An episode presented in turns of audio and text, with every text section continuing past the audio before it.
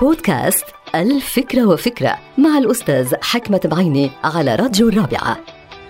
كم من مرة تشعر بأنك تدور وتدور حول نفسك من خلال حوار مع أحد الأشخاص؟ حوار غير مجدي ومناقشة دون الوصول إلى أي نتيجة في الواقع. طبعا يمكن ذلك أن يحدث لأنه نحن نعتقد أنه نحن عم نتسمع في حين أننا في كثير من الأحيان لا نستمع أبدا إلى الحوار. وهذا يحصل عادة عندما ندخل إلى الحوار برأي محدد ونتيجة محددة سلفا.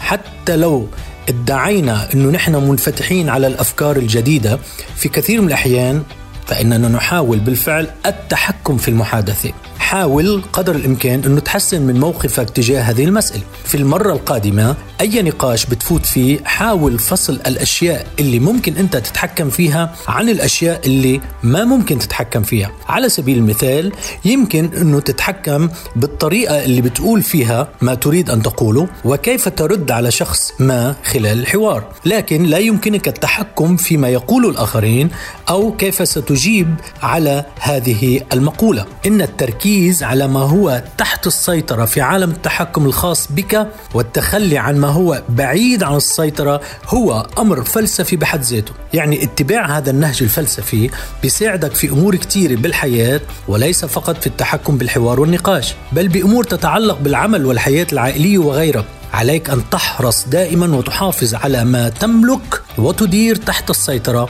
ولو كان ذلك رايا أو مالا أو شراكة بينك وبين الآخرين. إنها فلسفة حياتية مفيدة. جربها لأنه أنا جربتها ونجحت. انتهت الفكرة. هذه الحلقة مقتبسة من كتاب الفكرة وفكرة.